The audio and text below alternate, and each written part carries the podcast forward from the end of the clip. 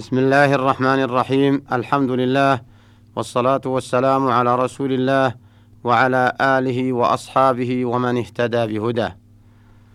أيها المستمعون السلام عليكم ورحمة الله وبركاته.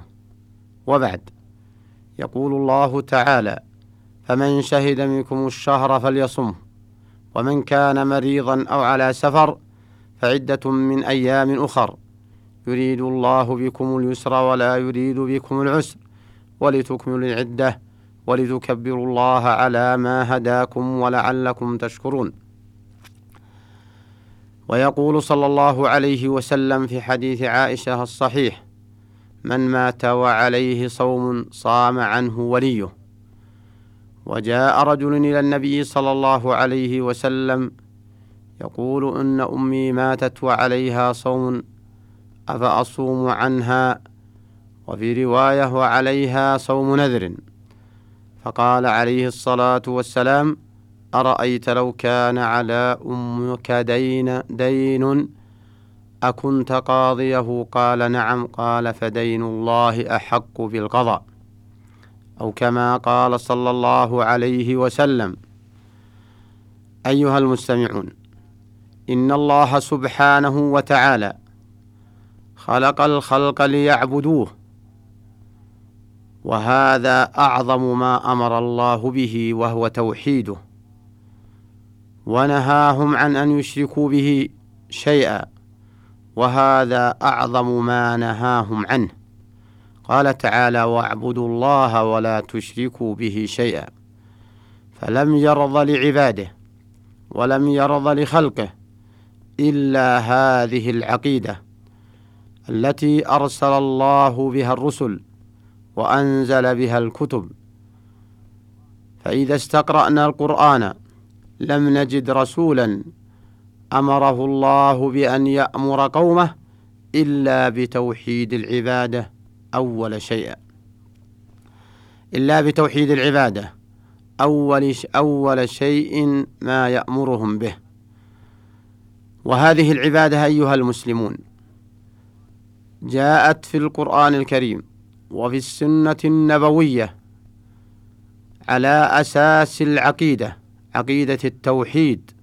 لا إله إلا الله محمد رسول الله.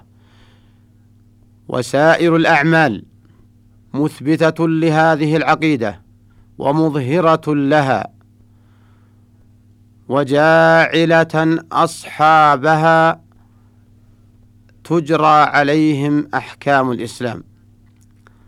فمن هذه الأعمال الصلاة وهي أفضل عبادة بعد التوحيد.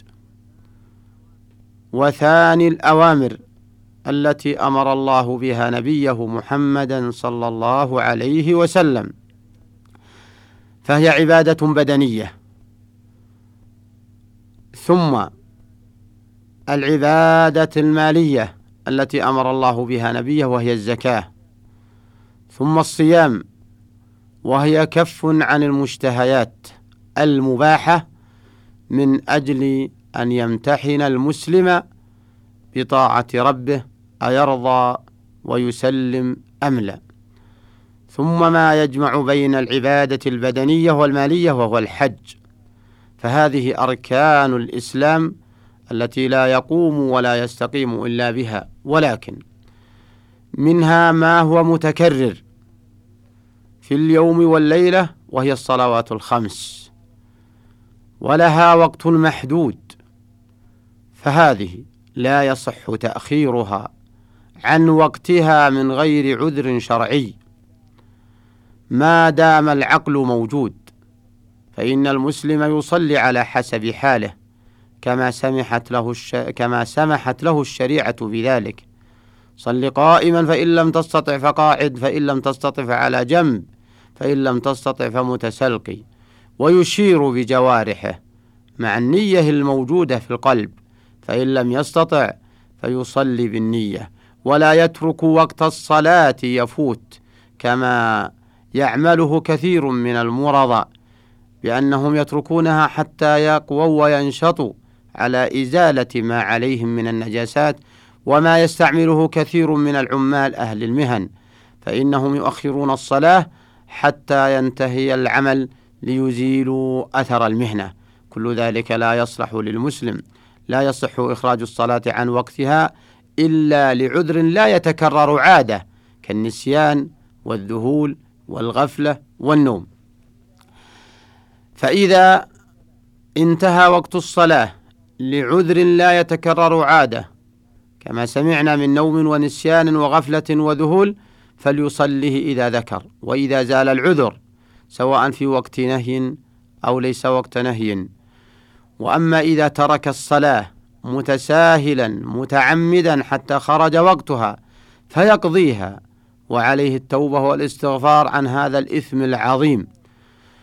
ولا يتركها حتى يزيل ما عليه من النجاسات كما يزعمه كثير من الناس.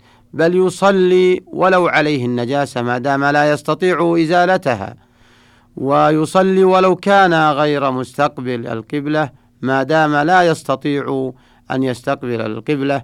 لأن الله يقول فاتقوا الله ما استطعتم ولا يحكم المسلم عقله في ذلك بل يحكم الشرع. ومن العبادات ما لها وقت محدود في السنة وهي الزكاة فإذا فات وقتها فعليه قضاؤها في أي وقت كان. ليس لها حد محدود للقضاء بل هي دين في ذمته والمسلم يوفي ذمته ما بها لله أو للمخلوقين. ومن العبادات ما هو في الحول مرة واحدة. أو في السنة كصيام نهار رمضان. وله وقت محدود وهو في هذا الشهر العظيم. فلا يصح للمسلم أن يترك صيام نهار رمضان. ما دام بالغا عاقلا يقول لا إله إلا الله محمد رسول الله مؤديا للصلاة معتقدا وجوب الزكاة ومؤديا لها. لا يصح له أن يفوت هذا الشهر إلا لعذر من الأعذار التي ذكرتها شريعتنا الإسلامية. من هذه الأعذار المرض. والمرض قد يكون يرجى برؤه فمتى زال مرضه؟ بعد رمضان فيقضيه. وقد لا يرجى برؤه كبعض الأمراض المزمنة آه التي لا يستطيع الامتناع عن السوائل وعن الماء ويعرف هذا من من نفسه إذا كان ثقة على دينه أو بقول طبيب عدل في ذلك. فإذا فاته صيام نهار رمضان بسبب هذا المرض الذي يزيد صومه مرضه أو يؤخر برأه أو فاته صيام نهار رمضان لكونه معذور بالسفر لأن السفر مبيح للإفطار في نهار رمضان بشروطه المعروفة من أن يكون سفر طاعة وأن يكون سفر مسافة قصر عند كثير من العلماء. ولو لم تتحقق فيه المشقة وليس الفطر لازما على المسافر وإنما هي رخصة له. والله يحب أن تؤتى رخصه كما يحب أن تؤتى عزائمه. فمن قوي على الصيام؟ صام ولو في السفر وهو أفضل له. وإلا آه، فليفطر فهو أفضل له ما دام يشق عليه الصوم. وإن تساوى الأمران فهو مخير.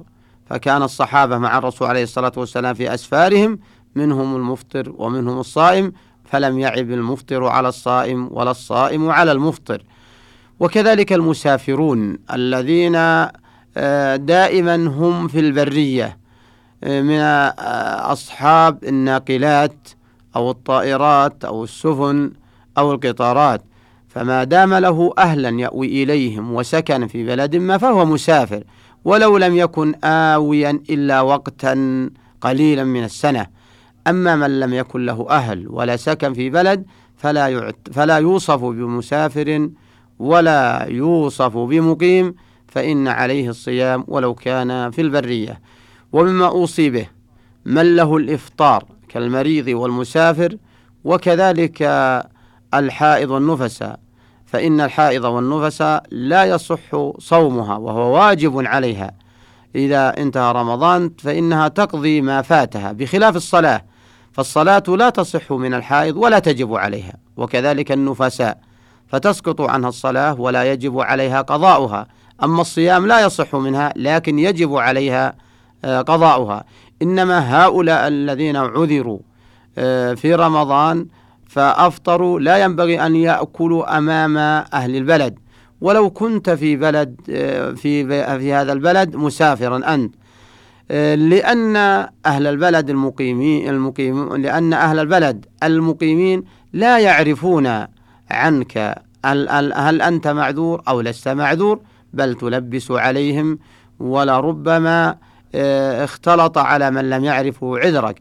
ولهذا آه، نشكر الحكومة حكومتنا الرشيدة حيث أكدت على المستقدمين الذين لا صيام عليهم لكفرهم لأن الصيام لا يصح إلا بعد التوحيد. فمنعتهم أن يظهروا الإفطار آه، في بلادنا ولله الحمد والمنة. وليس هذا آه، استغراب من حكومتنا الرشيدة بل هو شكر لما قامت به من هذا الواجب. نسأل الله سبحانه وتعالى أن يعينها على القيام بواجباتها وأن يرزقها البطانة الصالحة تعينهم إذا ذكروا وتذكرهم إذا نسوا. والذي أوصي به إخواني المستمعين من المسلمين أن يبادروا بالقضاء إذا فاتهم شيء من رمضان في سائر السنة ولا يتساهلوا به حتى يأتي رمضان آخر. وإن كانت السنة كلها وإن كانت السنة كلها آه، وقتا للقضاء. لكن المبادرة أفضل لأجل أن يبري المسلم ذمته من هذا الدين الذي فيها. ومعلوم أن المبادرة بالوفاء بالدين أولى وآكد من التساهل به. وإذا دنا رمضان الآخر وبقي أيام عدد ما عليه من الصيام فإنه يتأكد ويجب عليه القضاء. فنسأل الله الكريم رب العرش العظيم أن يتولى الجميع برحمته وأن يعين الجميع على أداء ما عليه من الحقوق لله أو للخلق وصلى الله وسلم على نبينا محمد وعلى آله وصحبه أجمعين.